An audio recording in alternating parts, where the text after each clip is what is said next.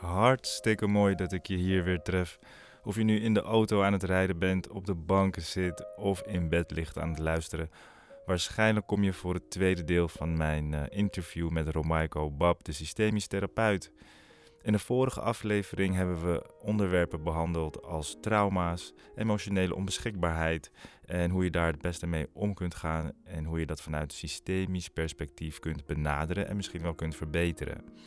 En in deze aflevering gaan we verder met onderwerpen als sleur, vreemdgaan. We richten ons ook tot de singles en proberen een verklaring te vinden waarom het soms niet lukt en hopen hierbij dan ook wat handvaten te geven om ze verder op weg te helpen. Maar we geven ook een paar essentiële punten weg die een sleutel kunnen zijn naar een duurzame relatie toe.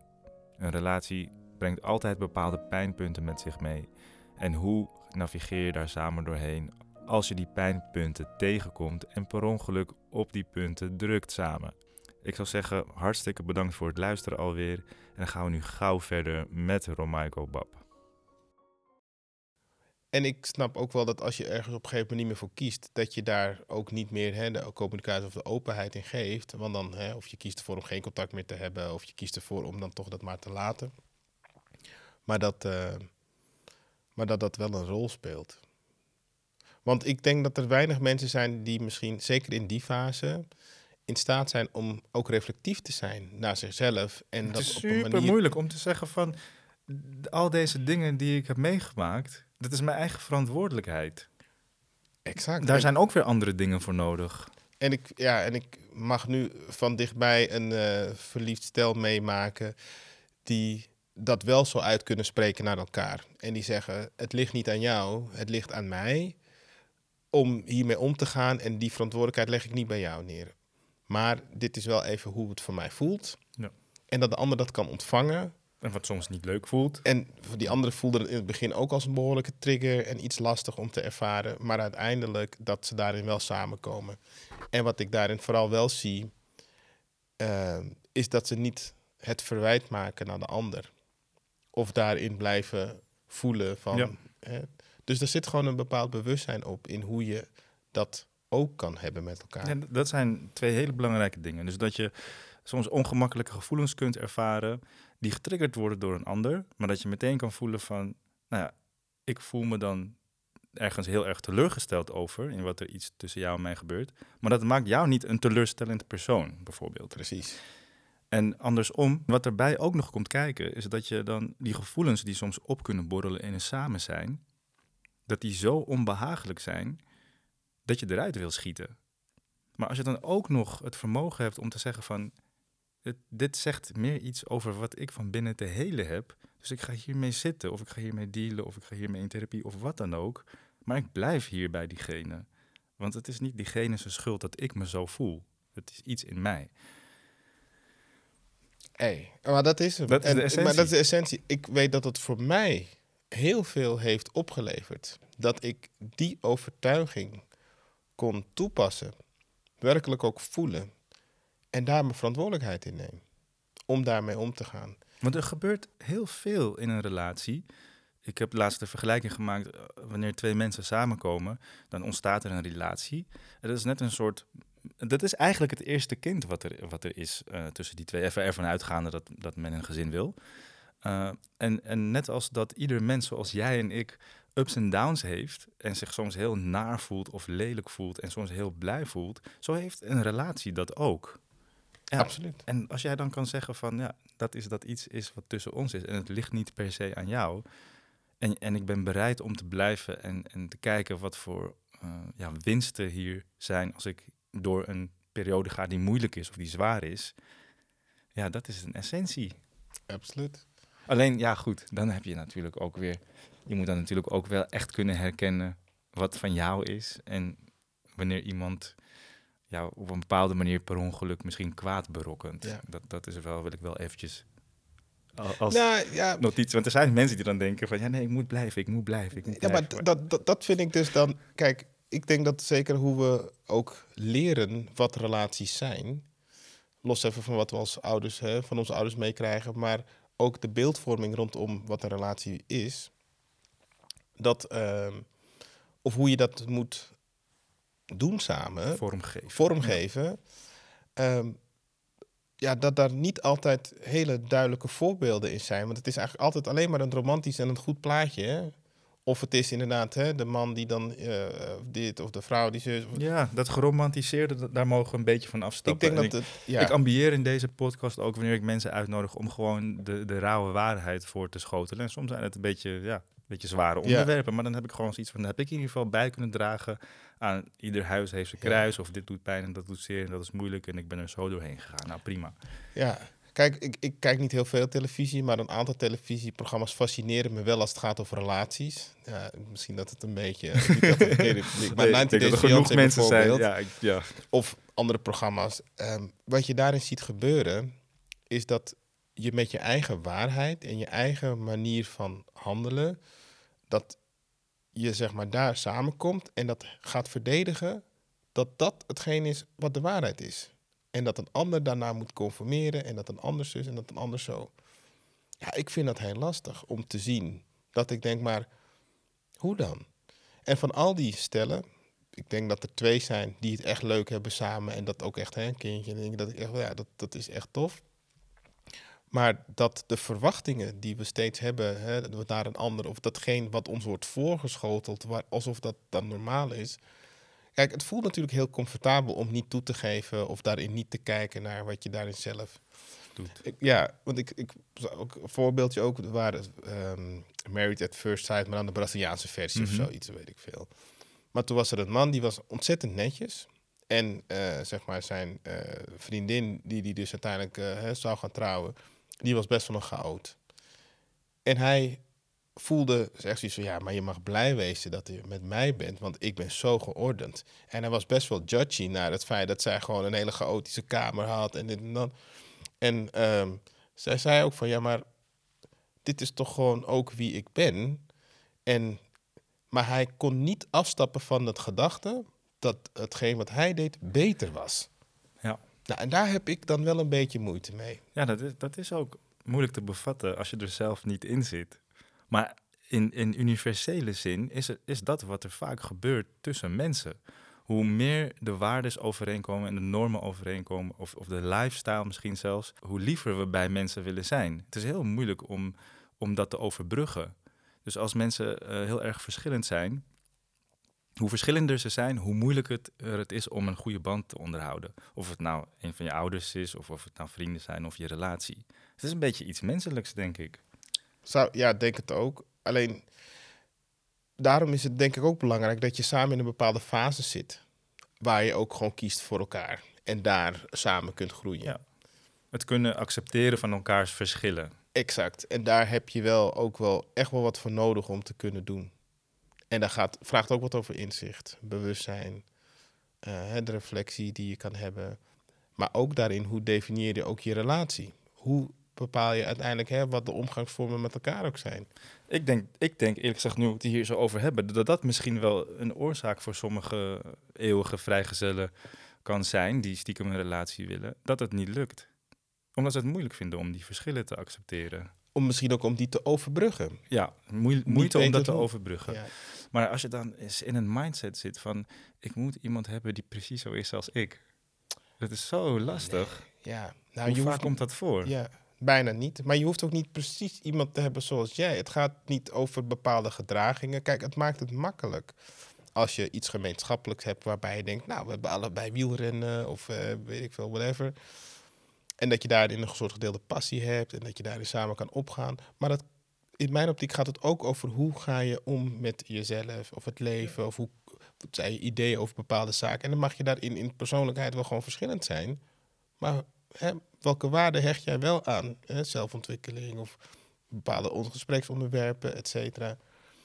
En durf ik de verbinding aan te gaan met jou, wetende dat vanuit mijn kwetsbaarheid, dat je dat opvangt. En andersom ook.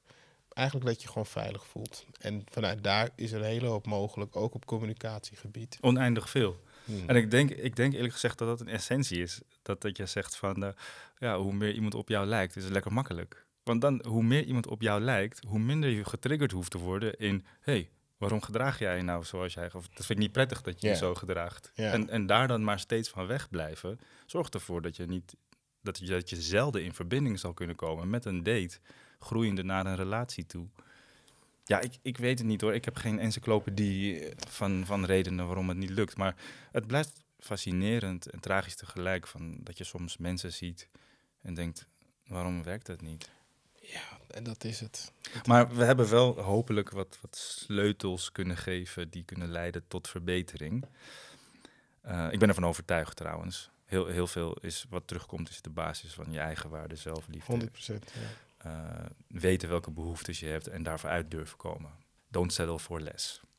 Less, exact. En, en, en je, je kan alleen zijn. Je hoeft niet bang te zijn. Er gaat niks gebeuren. Je, het kan, is ook prima, je redt jezelf, ja. Het is ook prima. En daar mag je ook soms daarin overgeven. Dat het oké is. En dat er ook groei is en vondsten te doen zijn.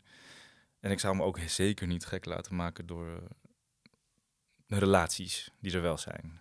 En ik zou die zeker ook niet romantiseren, want niet iedereen durft erover uit te komen wat soms gewoon echt kut is aan Ja, een relatie. Ja.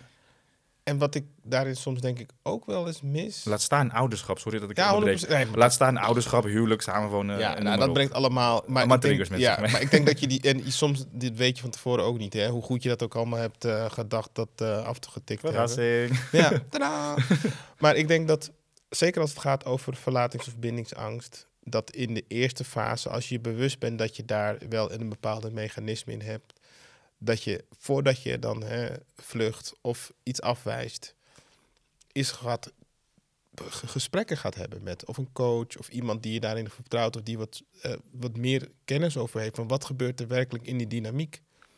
Want ja, net had ik verteld over diegenen die dan de liefde mogen eh, ervaren met elkaar, hebben een vergelijkbaar thema. Ja. De ene, de angst en de bindings, of de verlatings en de bindings, die net zo allebei ook echt een aantal situaties of relaties meegemaakt waarbij het echt helemaal niet oké was. Iemand die eigenlijk niet voor jou kiest en daardoor wel het gevoel hebt dat je daar heel erg bij wilt blijven. Nu ervaart iemand wilt wel met mij blijven, maar waarom voelt het dan alsof, snap je? Zo blijf je steeds in die wisselwerking Ja. van aantrekken en afstoten. Maar door wel eerlijk te zijn en daar ook af en toe over te sparren van hé, hey, maar dit is wel hetgeen wat er blijkbaar gebeurt. Ja.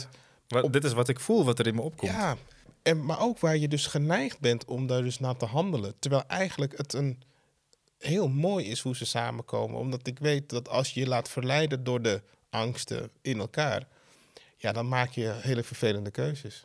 Maar het is ook een gemeenschappelijke deler. Dus het zijn vervelende keuzes die je maakt. Maar als je het samen door hebt en observeert, dan is het juist iets wat heel erg kan verbinden. Omdat je Zeker. de ander niet voor niets daarin ge- getroffen zeker, hebt. Ja. Zeker. Nou, en dat is iets, denk ik, hè, dat als je zo'n fase terechtkomt, zoek daar wel iemand op om daar het gesprek mee te hebben. Dus Eventueel je- samen. of eventueel samen, maar ook hè, of een coach of een relatie, of whatever, dat je dan toch even kan sparren in zo'n fase van, hey, zit ik goed? Ik vertrouw misschien niet altijd maar even mijn oordeel, maar help me er even bij. In de eerste instantie Denk misschien beter om het in je eentje te doen. Want dan krijg je meer de zelfreflectie. 100%. Dan is daar de ruimte voor en daar begint het bij. 100% maar stel nou dat je daar nog niet bent. En je bent je daar niet helemaal bewust van. Of dat je geneigd bent om een keus te maken die daarin niet... eh, eh, dat misschien heel mooi had kunnen zijn. Maar dat je begrijpt waarom je die keuze ook maakt. Hè? Is het vanuit een gevoel van angst? Hoe zie je dat bij de ander misschien? Dus dat sparren, dat kan ook met een vriend of vriendin of whatever. Hè? Maar dat je daar wel ook eh, over nadenkt. Nou, singles, neem ze zeker mee, deze tips die je gehoord hebt. Volgens mij zijn dit zogenaamde golden nuggets die je mee kunt nemen vanuit deze podcast. Even kijken, we hadden nog een paar andere onderwerpen die we wilden bespreken voordat we op record drukten. Ja, we hebben het net over singles. En eventjes, ik tussen aanhalingstekens, neem het even op voor de, voor de singles.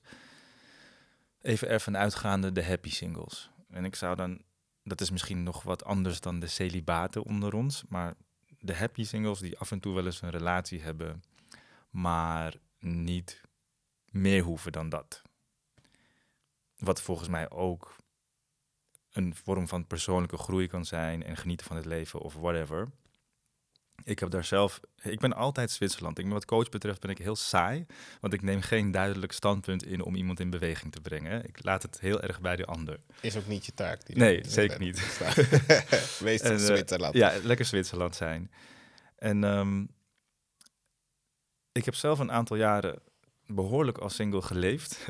en, ook, en ook heel erg genoten van dat leven.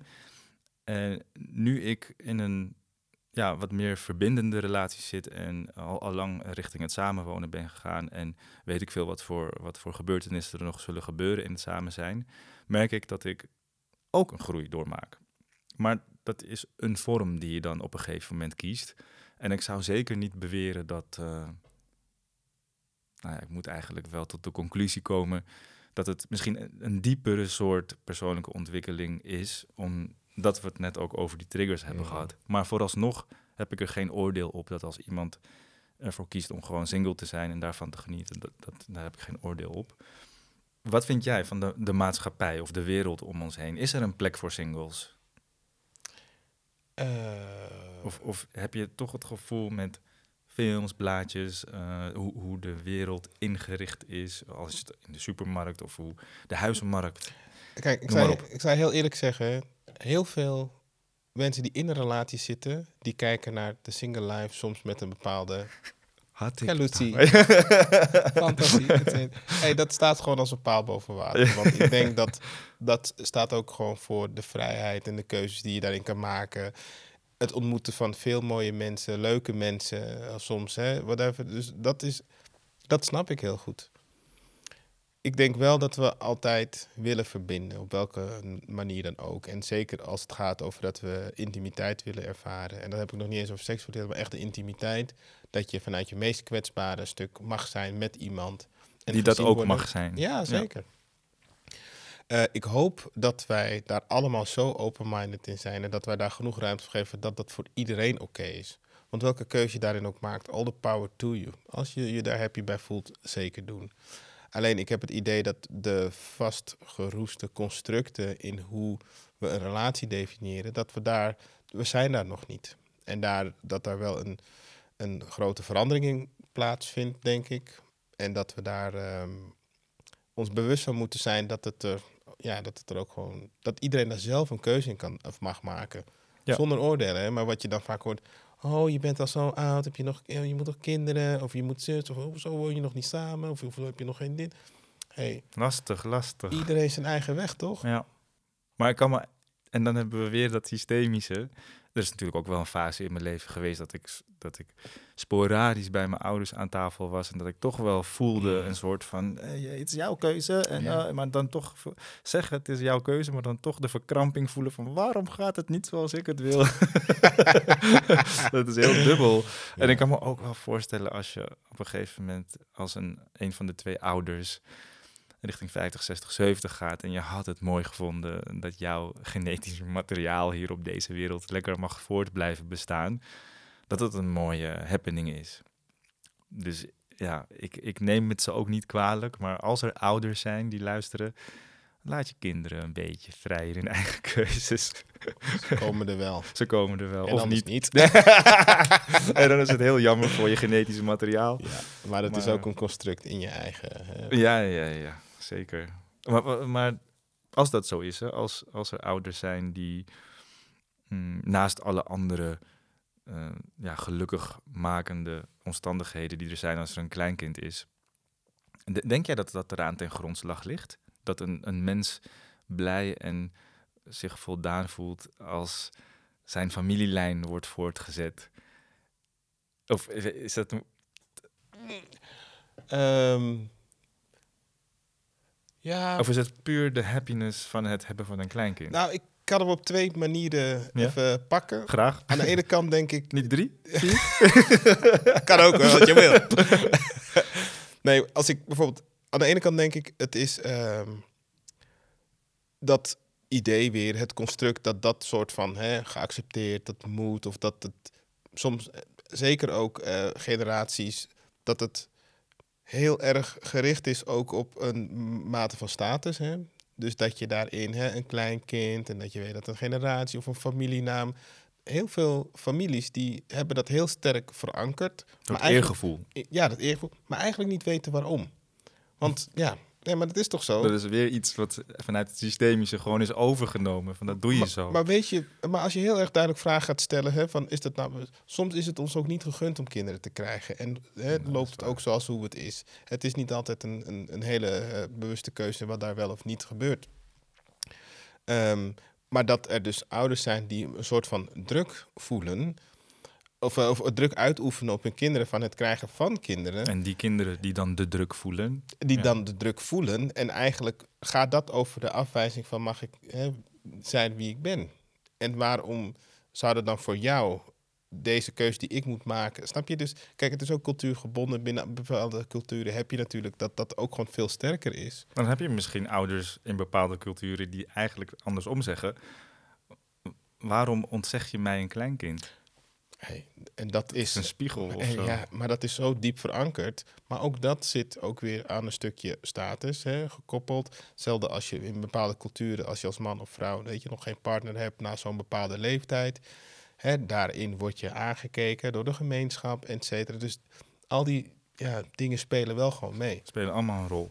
Oké, oké. ik wil graag een horizon verbredend gesprek. ik ga het nu gewoon eisen van je.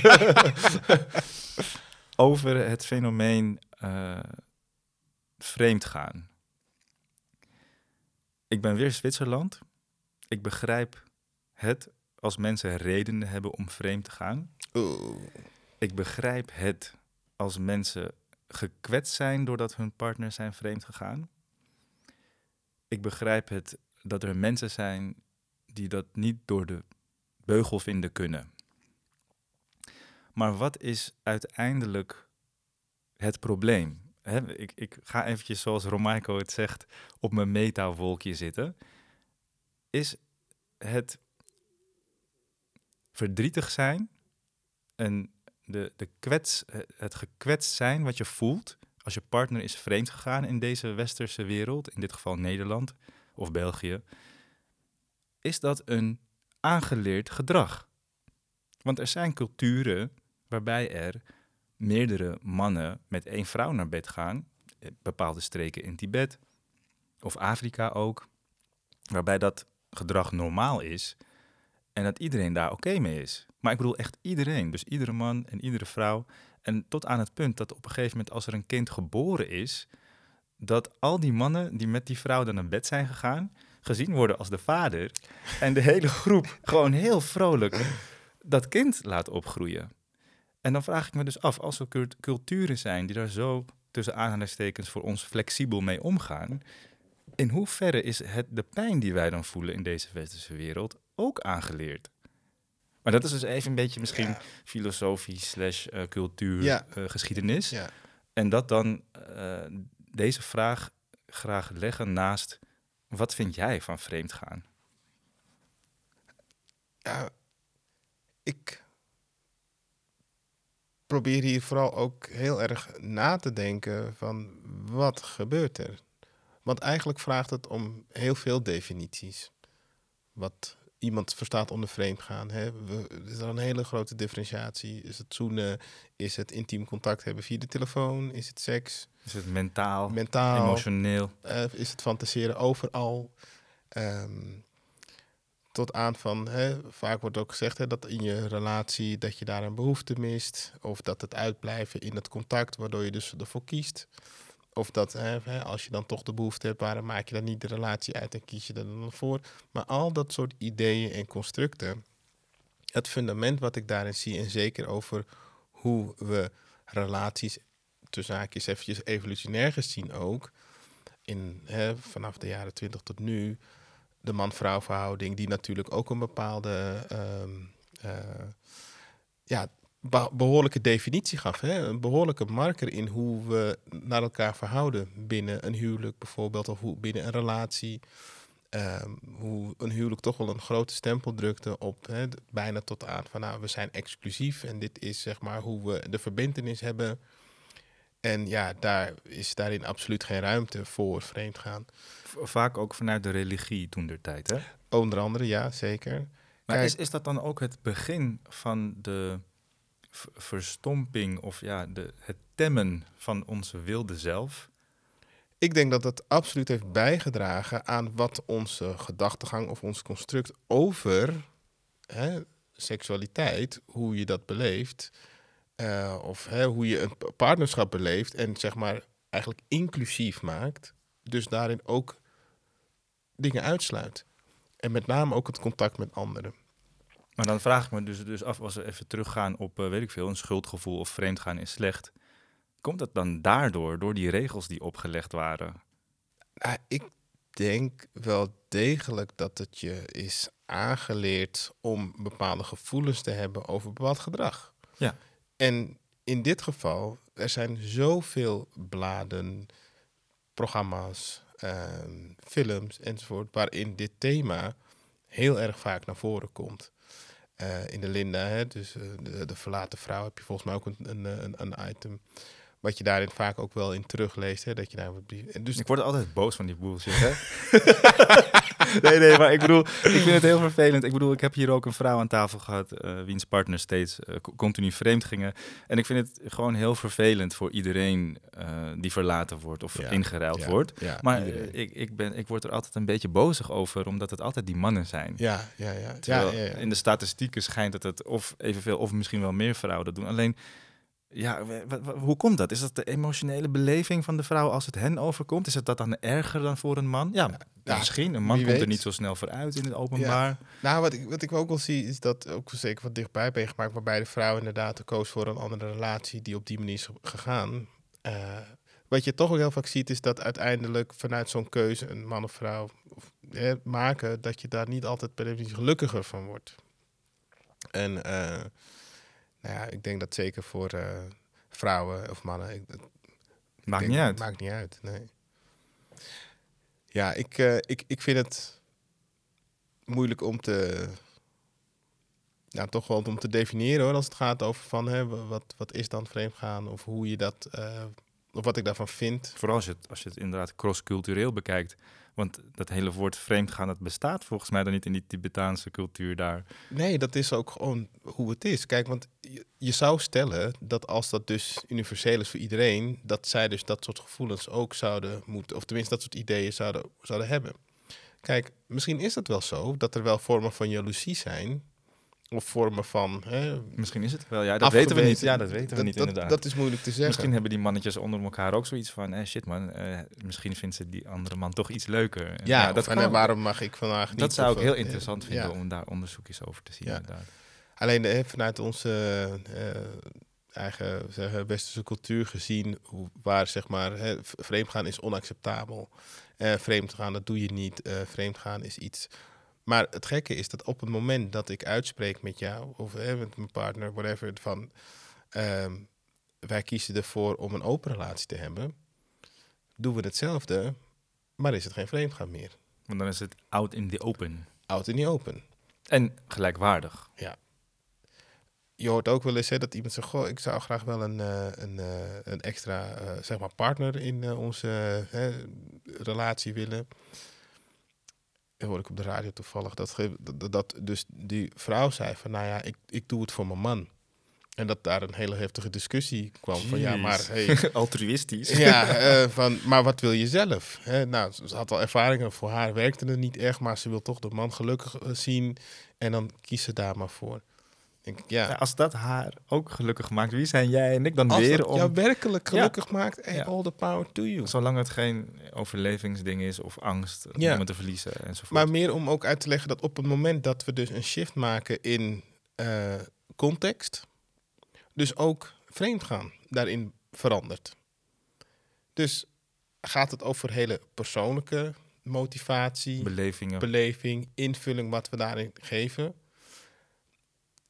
In the end of the day gaat het om partnerschap, waar je voor kiest. Hier in dit, deze westerse wereld. In ja. de westerse wereld. Van partnerschap of je ervoor kiest. Wat hoort daarbij, wat hoort daar niet bij? Wat, wat doet een beroep op je integriteit? Wie wil je zijn in zo'n samen zijn, et cetera? Wat vind jij dan bijvoorbeeld dat je dat altijd moet vertellen?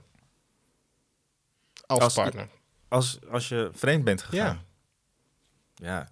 Nee, er zijn mensen die zoiets hebben van ik hou gewoon lekker mijn bek dicht. de vraag is of zij daar dat oprecht... Hè, vreet het je dan niet op op een Ja, gegeven ja, ja, moment? Ja.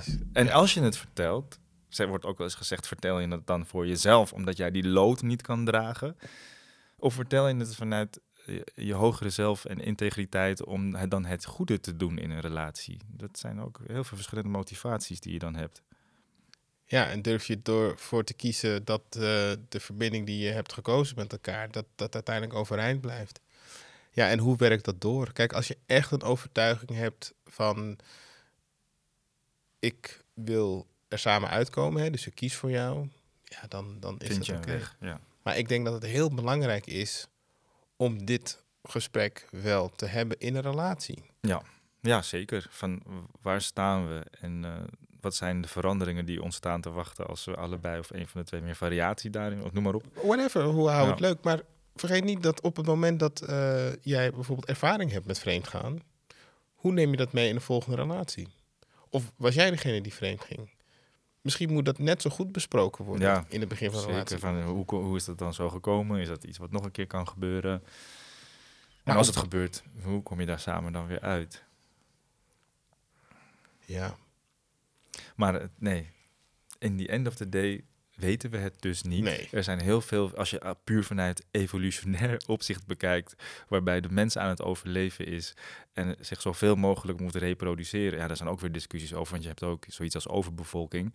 Maar als, als het als functie heeft om je te vermenigvuldigen als soort, dan is er helemaal geen probleem met eh vreemd gaan. Maar hè, als je kijkt vanuit, weet ik veel wat voor perspectieven, en het maakt huwelijken stuk en, en gezinnen worden stuk gemaakt die dan met gescheiden ouders gaan leven. Wat Ja. weer consequenties heeft voor hun schoolprestaties, wat weer consequenties heeft voor de wereld. Ja, dan ga je inderdaad weer generationeel kijken van wat zijn dan de invloeden daarvan. zeker. Want hoe meer, je, hoe meer kinderen je verwekt, om het maar even plat te zeggen, hoe minder aandacht ze kunnen krijgen per kind. En ik ben blij dat ik, dat ik zelf uit een gezin van twee kom. Hoeveel broertjes en zusjes had jij? Wij waren met z'n vieren. Oh, ja, dat, ja, ja. dat Broer, twee zusjes. Ja. is nog redelijk te managen volgens mij. Maar het is wel twee keer minder aandacht voor je. Nee? ik, ik, had het je, ik, ik sprak vanuit gunnen. Ik sprak vanuit gunnen. Ik ben betrapt. Nee, Nee, nee, hoor, nee, nee. maar dat is, dat is al twee keer zoveel minder dedication en aandacht beschikbaar dan, dan wanneer je met z'n tweeën bent. Zo is Ja. het. Ja. En ik, ik blijf het wel een heel lastig onderwerp vinden hoor. Want ehm, je probeert altijd wel een soort van begrip te hebben voor de situatie. Maar eigenlijk is degene die vreemd gaat altijd schuldig. In de zin dat hij daarin eh, altijd. Of zij. of zij. Wat een Hij- stereotype. Ja, erg, hè? Dat- Wat een ja, genderprobleem echt zijn dit allemaal. Ja, daar moeten we echt wel wat aan, werken. Ja, nee, maar dat, Ja. dat je dus degene die vreemd gaat, dat die gewoon, ja, ja, altijd gewoon de, nou ja, dat die degene is die veroordeeld moet worden, zeg maar. En dat, maar vind jij dat? nee, nee, nee, dat vind in, ik in niet. de wereld. In, in de wereld. ja, dat, ja, dat, ja, ja, dat klopt. die ik vind dat jammer. de ja. boetekleed aandoet. En, Ja, er zijn genoeg filosofen die ook zeggen van ja, als je veel van die situaties bekijkt, dan, dan lijkt dat je, je hebt dan de goodies en de baddies en, en de slachtoffer en de overwinnaar of, of noem het maar op. En dat zijn altijd degenen die dan vreemd eh, zijn gegaan, die dan de slechterikken zijn. Maar ja, de bad guys. ja, ja. maar in, in heel veel, of misschien, ik, ik ken de, de verdelingen niet of de percentages niet. Maar vaak hebben mensen echt een reden om vreemd te gaan. En eh, of dat nu is uit het systemische ding of eh, een ontevredenheid in de relatie, waar dan niet over gesproken kon worden blijkbaar.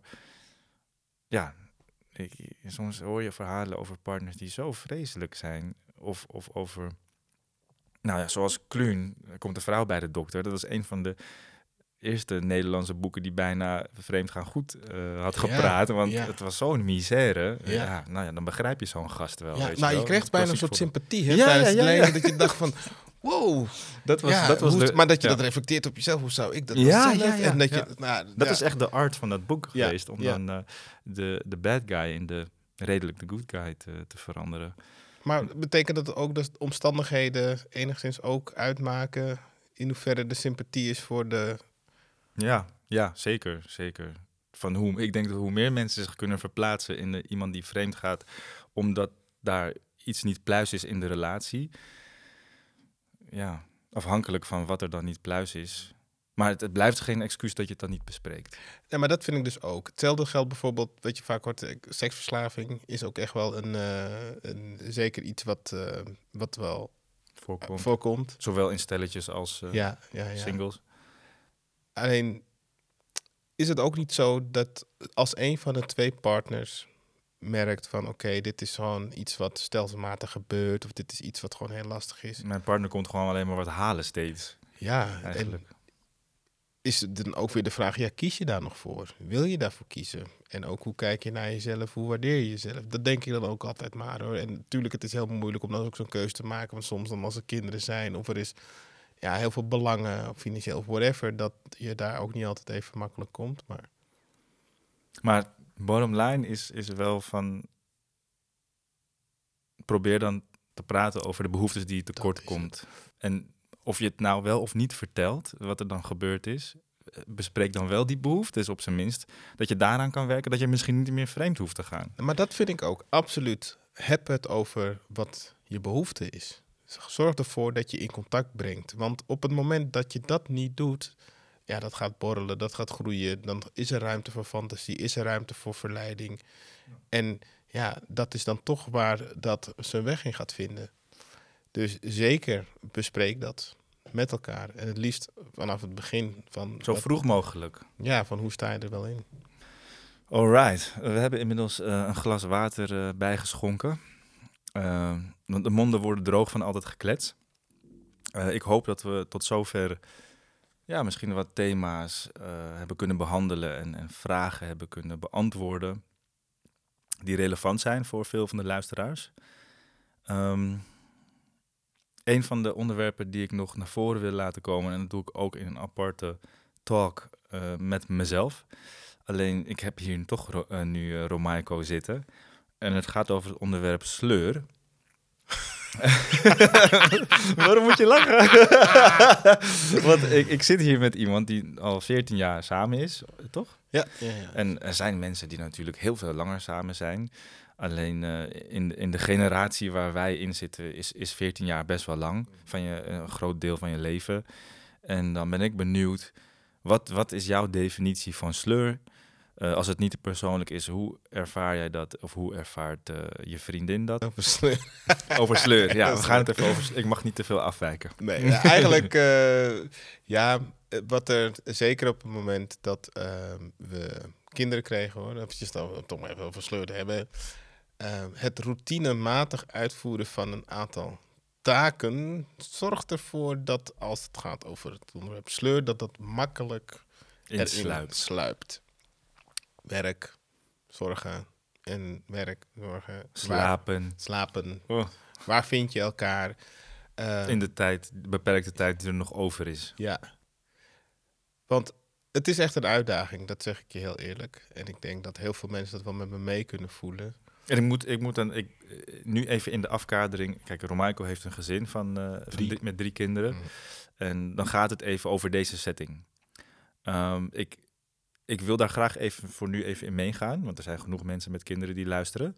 Maar er zijn ook mensen die gewoon kinderloos zijn en dikke vette sleur ervaren. Oké, nou, dan gaan we gewoon een hele Dus andere dan kant op. Ja, is ook Maar voor nu- nee, nee, maar voor nu nee, nee, ik maar je hebt wel gelijk. Want ik, weet je, het hoeft daar niet per se over te gaan. Vind ik ook niet erg. Nee, maar ik, ik, laten we een tweedeling doen. Dus de man in dit geval die dat wel eens zo ervaart. En hoe, wat heeft hij dan eh, misschien daarover uit te leggen of voor inzichten te, te, te brengen. Maar dan dat we ook eventjes juist, juist het stel wat niet het gezelschap heeft, hè, om het maar zo maar te zeggen, Mhm. van, van de kinderen. eh, en die dan er alleen voor staan en niet die afleiding hebben en noem maar op. Maar laten we eerst Oké. het gezin, want dat vind ik ook heel interessant. Ja, ik vind dat andere juist ook wel heel interessant. Oké, doen we het hoe kan allebei. je- Ja, hoe kan je daar überhaupt een Ja. sleur hebben? Ja, ja. Maar goed, maar dat is- dat is het goed dus. te. Dan gaan wij dus, als jij dat zo denkt, dan heb jij een mindset waarin dat voor jou minder snel mogelijk is. En dan ben ik daar benieuwd naar. Ja. Ehm, Maar even terug naar het gezinsleven. Ja, ja, het gezinsleven, zeker. Ehm, nou ja, het is eigenlijk hè, meer het routinematig uitvoeren van allemaal zaken en dingen. Ehm, waar maak je de keus om ook voor jezelf wat op te kunnen laten? En waar kies je ervoor om ook in je relatie daarin te investeren? Om samen, weet je, lekker wat te gaan doen, uit eten. Of in ieder geval even alleen tijd samen. Want in het, op het moment dat je kinderen krijgt, je bent echt, je, je bent nooit meer alleen. Hè? Er is altijd gewoon hè, daarin de verbinding die je hebt met je kinderen. of kind. Dus de uitdaging wordt ook steeds groter. Zeker als je dan eh, hè, werk hebt en al dat soort zaken. Maar ja, sleur. Ik vraag me af of we daar misschien ook niet een heel ander woord voor moeten geven. Dat is een beetje gek hoor, maar... Ja, ja sleur, routine, verveling, herhaling. Maar het, het overlapt heel veel hè, als mensen dat beleven. En dat is ook een hele persoonlijke beleving. Maar als je, ik pak eventjes een, een, uh, mijn notities, want ik had daar wat over geschreven. Ik ben heel benieuwd. Ja.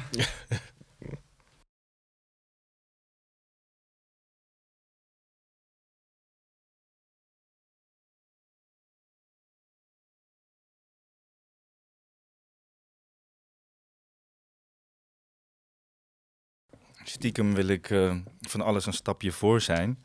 Want ik liep laatst met uh, Tineke door het park hier in de buurt. En ik vroeg aan haar, ervaar jij wel eens sleur met mij? En ze zei vrij snel, ja, ik ervaar wel eens sleur. Oh. Dat heb ik wel eens ervaren. En ik denk, oh my god, holy shit. We wonen pas een jaar samen, weet mhm. je wel. Maar toen kwam eigenlijk al vrij snel eruit dat haar definitie van sleur heel wat anders is dan mijn definitie van sleur. Dus ik vind het ook goed om hier eventjes uh, voor te zitten. Want zij, zij zei, ik snakte naar sleur. Omdat ze zo'n onstuimig leven hiervoor had gehad. Dat, dat datgene wat dan kenmerkend kan zijn voor sleur, dat het hartstikke welkom voor haar is. Maar in ieder geval, uh, kopje sleur. en dan subkopje constructen, dubbele punt. Of heeft overlap met. Ja. Verveling, saaiheid, routine, uitgespeeld zijn, ergens aan gewend zijn, voor lief nemen, voorspelbaarheid, eentonigheid, automatisme, regelmaat, gewoonte en zonder afwisseling. Ander subkopje gaat gepaard met dubbele mhm. punt. Klagen, mokken, ongemak, vermijding, afstand nemen, avontuur zoeken, vluchten, twijfel, vooruitzichtloosheid en balen. Maar dat is, dat is misschien deels wat het voor mij betekent, maar wat ik uit gesprekken ook voel wat het voor anderen deels kan betekenen.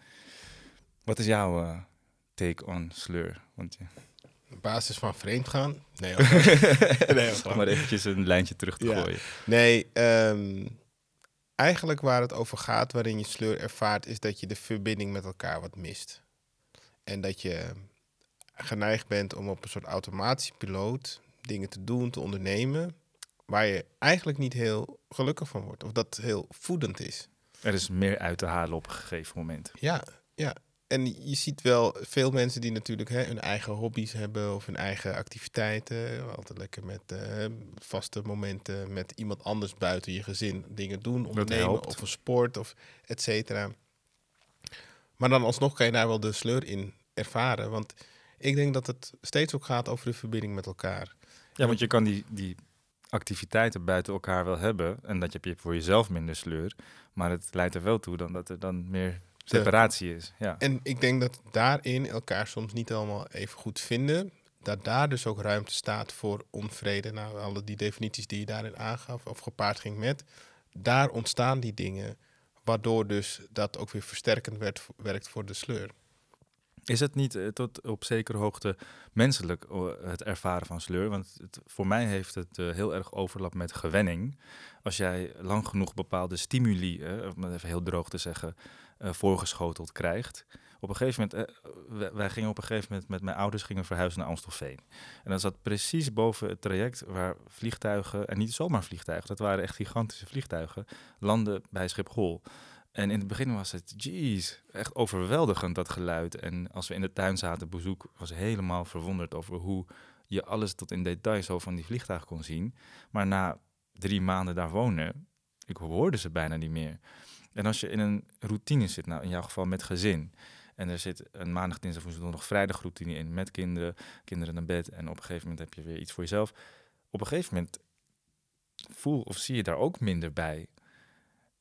Wat is dan de kunst om daarin, misschien in hele kleine dingen, toch nog een variatie te brengen? Want in mijn beleving zijn het toch die kleine dingen die anders zijn, die zo in samen zijn weer fris kunnen houden. Zeker. Kijk, omdat je natuurlijk kinderen hebt, is de dynamiek ook anders. En dat, daar heb je ook heel veel plezier in hoor. Dus dat je samen bent het spelen, gek doen. Hè, als, het is eh, echt weer een heel andere situatie dan wanneer je alleen met z'n twee zit. Zeker. En, maar als ik ook daarin, want los van of je ouders bent, ben je ook gewoon nog partners. Wat net zoveel aandacht behoeft als dat je gewoon als persoon ook in een relatie zit. Ja, ik hoor hier een, uh, voor in de toekomst een volgende podcast over ouderschap.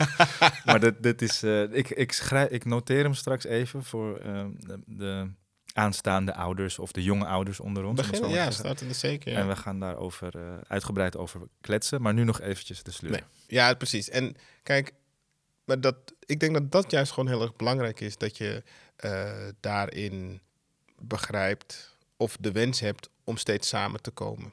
In, of dingen samen delen ook. Het hoeft namelijk niet een sleur.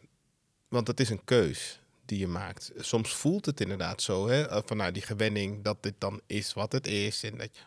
Maar eigenlijk vraagt het gewoon, je moet moeite doen. Je moet ervoor zorgen dat we uiteindelijk het ook een beetje levendig houden. Dat je of dat je anders leert kijken. Exact, want dat is het ook. En dat je ook soms kijkt van, ja, want heel veel mensen die proberen zich ook heel, die zetten zich heel erg af van hetgeen wat ik niet meer heb. Terwijl eigenlijk, hè, dit is de, het nieuwe zijn. En daarin moet je ook gewoon... Deal ermee. Deal with it. Deal ja, ermee. Mensen vragen zich wel eens af, is dit het? Nou, als er zo'n God voice zou zijn en die zegt... Ja, dit is het.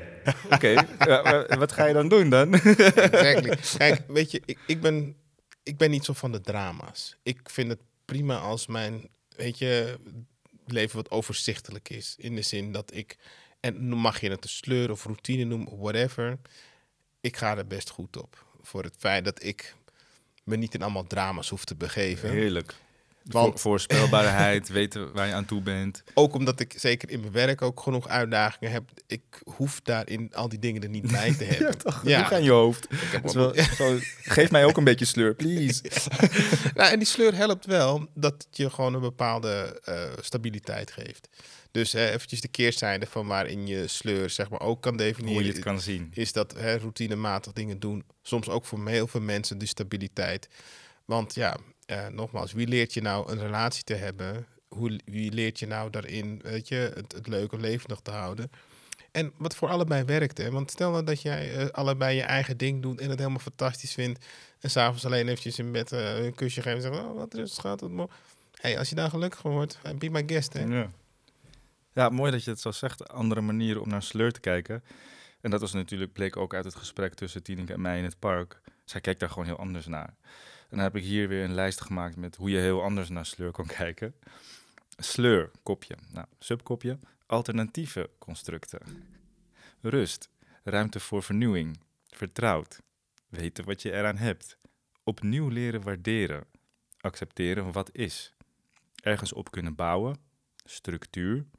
Bewustwording van je eigen automatisme. Met een frisse blik durven kijken. Mogelijkheden nieuwe doelen te maken gaat gepaard met. Dat is dus weer een nieuw subkopje. En daaronder tevredenheid en waardering. Geduld. Hele goede. Uitnodigen tot vernieuwing. Loyaliteit. Elkaar de ruimte geven voor individuele activiteiten en groei. Grote en kleine verandering kunnen maken. Ja, ja. Wat die ook mogen zijn, hè, die kleine veranderingen. Als ik, ik maak me er een beetje schuldig aan tussen aanhalingstekens dat ik super makkelijk ben met kleding bijvoorbeeld. En dat ik echt iets jaren kan dragen dat het helemaal stuk is.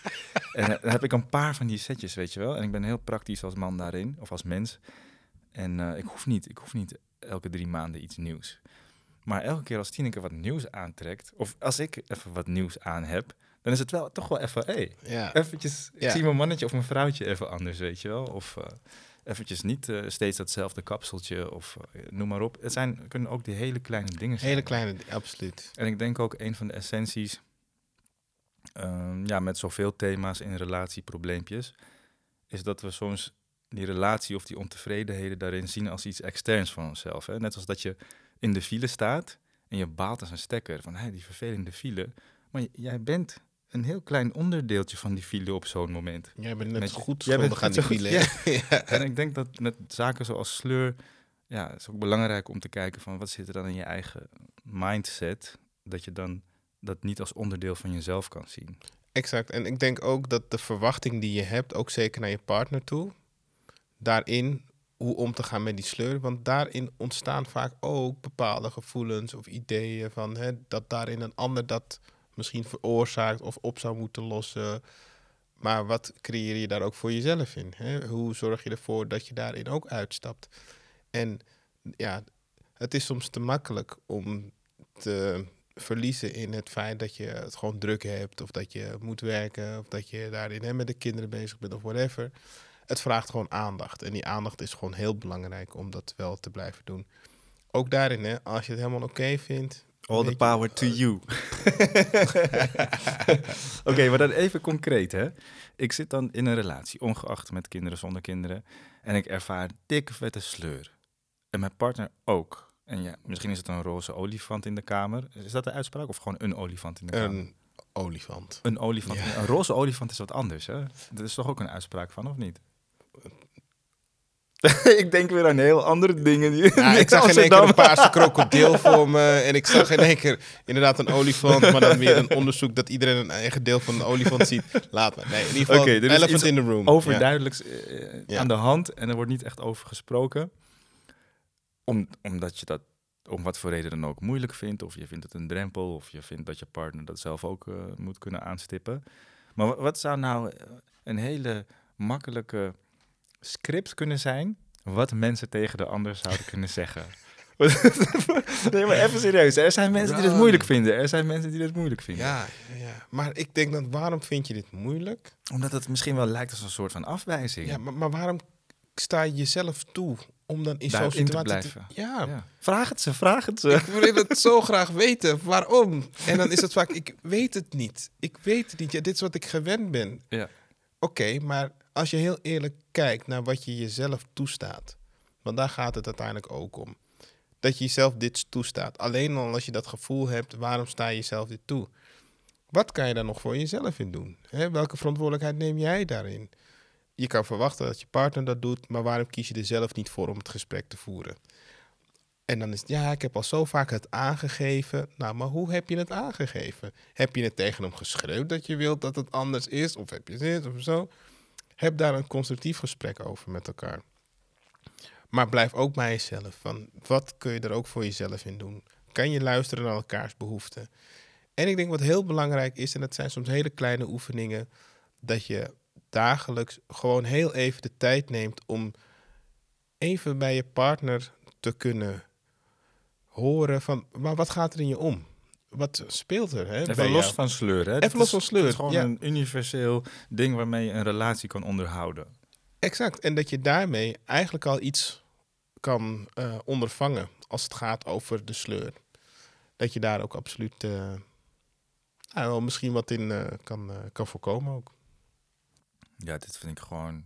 Dit is gewoon een afgesloten hoofdstuk. We hebben het gewoon helemaal behandeld. Dat is mooi. Als er nog vragen zijn, laat het me weten, jongens. Even kijken. Begin jij al een beetje honger te krijgen? Of dan zit je nu nog... Ja, dat ook wel. ik hoop niet dat je het hoort in de... Ja, ik hoor het bij mij ook, ja. ja ik hoop niet dat het op uh, band is. Heb jij nog de energie voor één onderwerp? Of ja, zeker. moet jij nu iets, iets wat uh, meerdere mensen aan het hart gaat? De pandemic is zo goed als voorbij. De, de lockdown. Ik zie de festivals weer uh, open gaan. En ik zie heel veel Instagram stories dat iedereen weer lekker aan het feesten is en out and about is.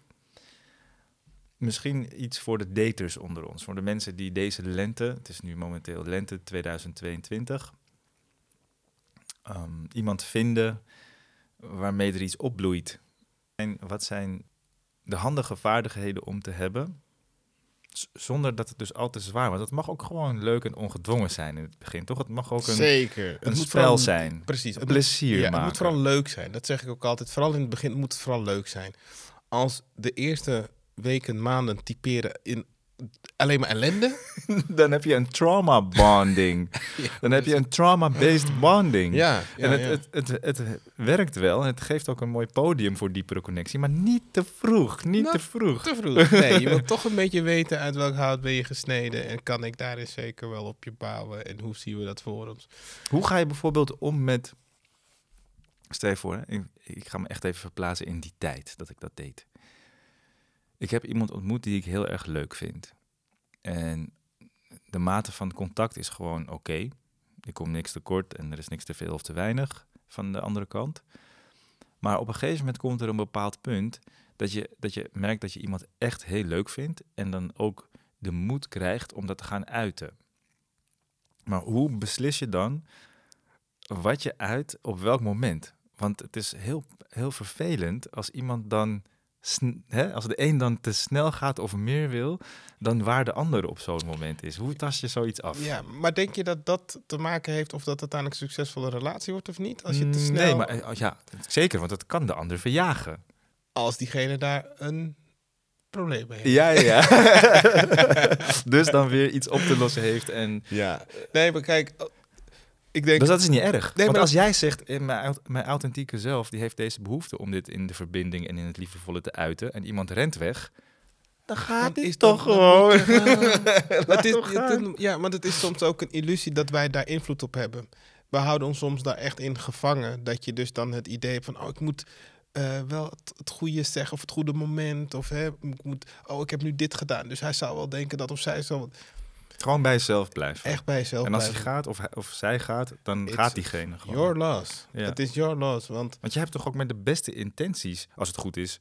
Kijk, behalve natuurlijk als het dus de klingie is van ik moet iemand in mijn leven hebben. Een ander kan dat voelen, hè? Ja, maar dat is ook voelbaar. Maar je ziet het ook in wat iemand doet. Een voorbeeld, eh, een stel samen. Eén die zegt ik wil er vol voor gaan. En de ander zegt ja, ik weet het gewoon nog niet zo goed. Ik weet het nog niet voor nu.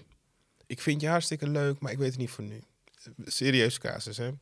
Ehm, de ene die betrekt helemaal bij de wereld hè, waarin eh, hij zich begeeft. Maar de ander die doet het eigenlijk niet. Maar wat zegt deze situatie dan? De situatie die laat ook zien dat één iemand niet kiest voor de relatie.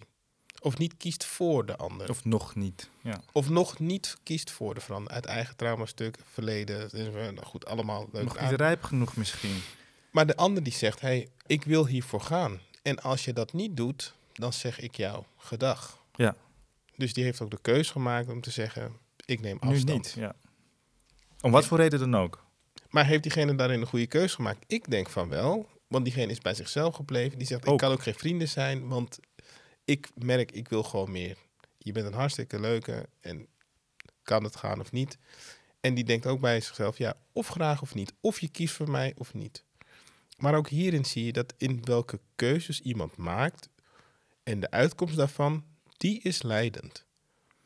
Als ik zeg, ik, hè, ik ben erg verliefd en ik wil heel vaak bij je zijn, maar ik maak niet de keuze om bij je te komen. Om welke reden dan ook. Toch? Ja. Dus daar is denk ik heel belangrijk om naar te kijken. Van, is iemand inderdaad... Er is een bepaalde eenvoud eigenlijk. En We maken het onszelf soms te ingewikkeld. Ehm, soms ter voorkoming van een mogelijke afwijzing.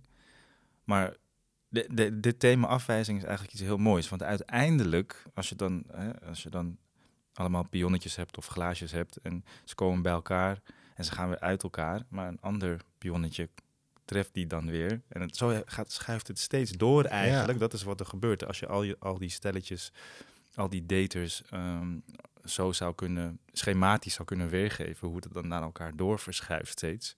Dit ene meisje bij die man, die ene vrouw bij die jongen, en noem maar op. Uiteindelijk komt er dan iets terecht wat dan in de tijd van de verwerking of de rijpheid wel goed is. En Zo is het. dat zijn dan meestal de stelletjes die je dan nu ziet ontstaan. Dus ja, als jij zo een glaasje of een pionnetje bent, laat jezelf lekker doorschuiven eh, totdat het wel goed is. Ja. Ja, en zorg er vooral dat je niet oordeelt over jezelf of daarin soms te kritisch bent. Of, eh, Of de ander moet zwart ander. maken van, Ja, oh, hij eh, laat mij, boos. Ja, ja. Nee, is, en heb vooral heel veel plezier en laat dat eh, leidend zijn. Hè? Dat je dat gewoon hebt. En, ehm, nou ja, en als het niet is, ja, let it go, man. Ja, Dat precies. is belangrijk. Wij hebben ook in die fase 100 gezeten. Zo is het ook gewoon. Ja, dat is wel zo. En ja, weet je, als ik daarin ook naar terugkijk, in, zeker in zo'n beginfase, wat je daarin eh, merkt. Veel onrust, man. Ja, man. Maar ook, maar ook zo'n onzekerheid soms van, weet je, oké, en Komt het wel hoe goed? dan? En hoe verhoud je je daarin? En wat doe je? Ja, dat zijn allerlei dingen, absoluut. En ik moet ergens hoor, als het gaat over singles, die singles waar jij het over had, waarbij het gewoon heel lang duurt voordat ze samen zijn, of dat het gewoon er niet aan toe komen. Misschien hebben wij op een bepaalde manier ook makkelijk praten. Ja. Want jij bent al best wel lang samen met iemand. Mhm. En ik heb zo mijn ontmoetingen gehad. ontmoetingen. Eh, Ja, nee, dat is, is ook heel moeilijk om het over te zeggen hoor. En het is meer dat je het iemand dan gewoon heel erg gunt. En Ja. dat je het gewoon niet snapt. En dat ik daar gewoon naar kijk. En dan denk ik, ja, maar zal er dan wel iets mis zijn? Of zijn al die mannen gek als ik die verhalen Ja. hoor? En weet je, het is zo moeilijk te plaatsen dan. Maar ik, ja, als, als er zo een luisteraar, of ja, als, als die luisteraars ertussen zitten bij wie dat lang duurt, hè, je bent eh, laat 20, 30, 40, 50 misschien wel. Ik zeg altijd maar, laat het los, al die ideeën over samen zijn en trouwen en, en weet ik veel wat. Ook daarin maak plezier. Het enige wat ik nog wel denk is dat wees wel ehm, gelukkig met jezelf. Ja. Heel veel mensen denken, nee, maar dat moet ik met iemand anders, want dan ben ik echt gelukkig. Dan denk ik, ai, maar ben je werkelijk gelukkig met jezelf? Kan je zeggen, ik hou van mezelf als je in de spiegel kijkt? Ik denk, en, en wat ik ook zie, is zeker degene die het loslieten van, oké, weet je, toen kwam het. En toen was ook het moment dat je daarin toch een andere vizier krijgt in het vinden van partnerschap. En dat is echt werkelijk ook het geval. Jongens, dit was de podcast met de systeemtherapeut en goede vriend van mij, Romaiko Bab. Eh, Romaiko, ik wil je hartstikke bedanken voor je komst. Ik vond het een super mooi gesprek. Thanks. Ik heb het idee dat we nog uren door kunnen gaan. Maar het is inmiddels al misschien 9 uur, 10 uur en we hebben nog niet gegeten. Dus wij gaan nu gewoon even lekker een hapje eten. En aangezien we nooit uitgepraat raken over eh, familie en, eh, en liefde, kun je erop rekenen dat uh, Romaiko een keer terugkomt. En ik denk dat het een hele belangrijke ja, soort van ruggengraat mag vormen in waar we het hier over hebben en waar we naartoe willen werken met deze podcast. Nou, het ik wil jou ook heel erg bedanken voor de uitnodiging. Ik heb ontzettend genoten van het gesprek. Ik vond het heel leuk ook om te doen. En nou ja, mocht je in de toekomst nog denken van, dan mag je me altijd bellen. Ik waardeer je ontzettend ook als vriend. En uh, zeker dat ik het mooi vind uh, waar je nu mee bezig bent. En daar moet je echt zo uh, mee doorgaan. Echt, Super bedankt thanks. voor je vriendelijke woorden, man. Is cool. En ik, ik zie je graag een volgende keer verschijnen. Is goed. En dan maken we van tevoren een heel mooi lijstje. Jongens, als jullie vragen hebben of er zijn bepaalde onderwerpen die je met de mindset en de ervaring en de inzichten van Romarco behandeld wil zien, laat het me even weten. Jullie weten me te vinden. Dit was hopelijk voor jullie ook een hele mooie aflevering van de Relationele Sferen podcast. In een volgende aflevering spreek ik mijn eigen vriendin Tineke Zwart. En zij vertelt openlijk over haar ervaring met een narcistische partner. Ze vertelt waar ze tegenaan liep, hoe ze ermee omging, maar ook heel belangrijk, hoe wist ze zich ervan los te maken. Nou, is dat haar gelukt met een bepaalde mindset en het lukt niet iedereen? Zijn dit thema's waar je tegenaan loopt? Ben je zelf narcistisch of zit je te worstelen met een narcistische partner, dan is deze aflevering vooral heel erg interessant voor jou. Weet zeker dat ik ook beschikbaar ben als relatie- en datingcoach. Ik help vooral vrouwen tijdens het daten werkend naar een relatie toe. In dat proces komen we allerlei situaties tegen die soms niet altijd even makkelijk zijn en in die situaties begeleid ik je. We onderzoeken waar je vandaan komt, waar je naartoe wil, maar we kunnen ook eventjes een heldere blik werpen op de partner die je getroffen hebt en wat voor thema's je daarin tegenkomt. Nou, hoe navigeer je rustig en met zelfvertrouwen richting een relatie, terwijl je de ander kan meenemen in jouw belevingswereld en samen richting een samen zijn kan blijven groeien. Dat is niet altijd even makkelijk vandaag de dag, vooral niet in concurrerende steden als Amsterdam en Utrecht, waar gewoon heel veel meer mannen zijn. Daarom des te belangrijker dat er ook begeleiding is waar dit nodig is. Neem zeker contact met me op via mijn Instagram-account Tristan Melano als je interesse hebt in een kennismakinggesprek. En wie weet hoor ik je daar. Mijn naam is Tristan Melano. Alweer hartelijk bedankt voor het luisteren en natuurlijk heel veel liefde gewenst. Graag tot de volgende keer bij de Relationele Sferen Podcast. Tot ziens!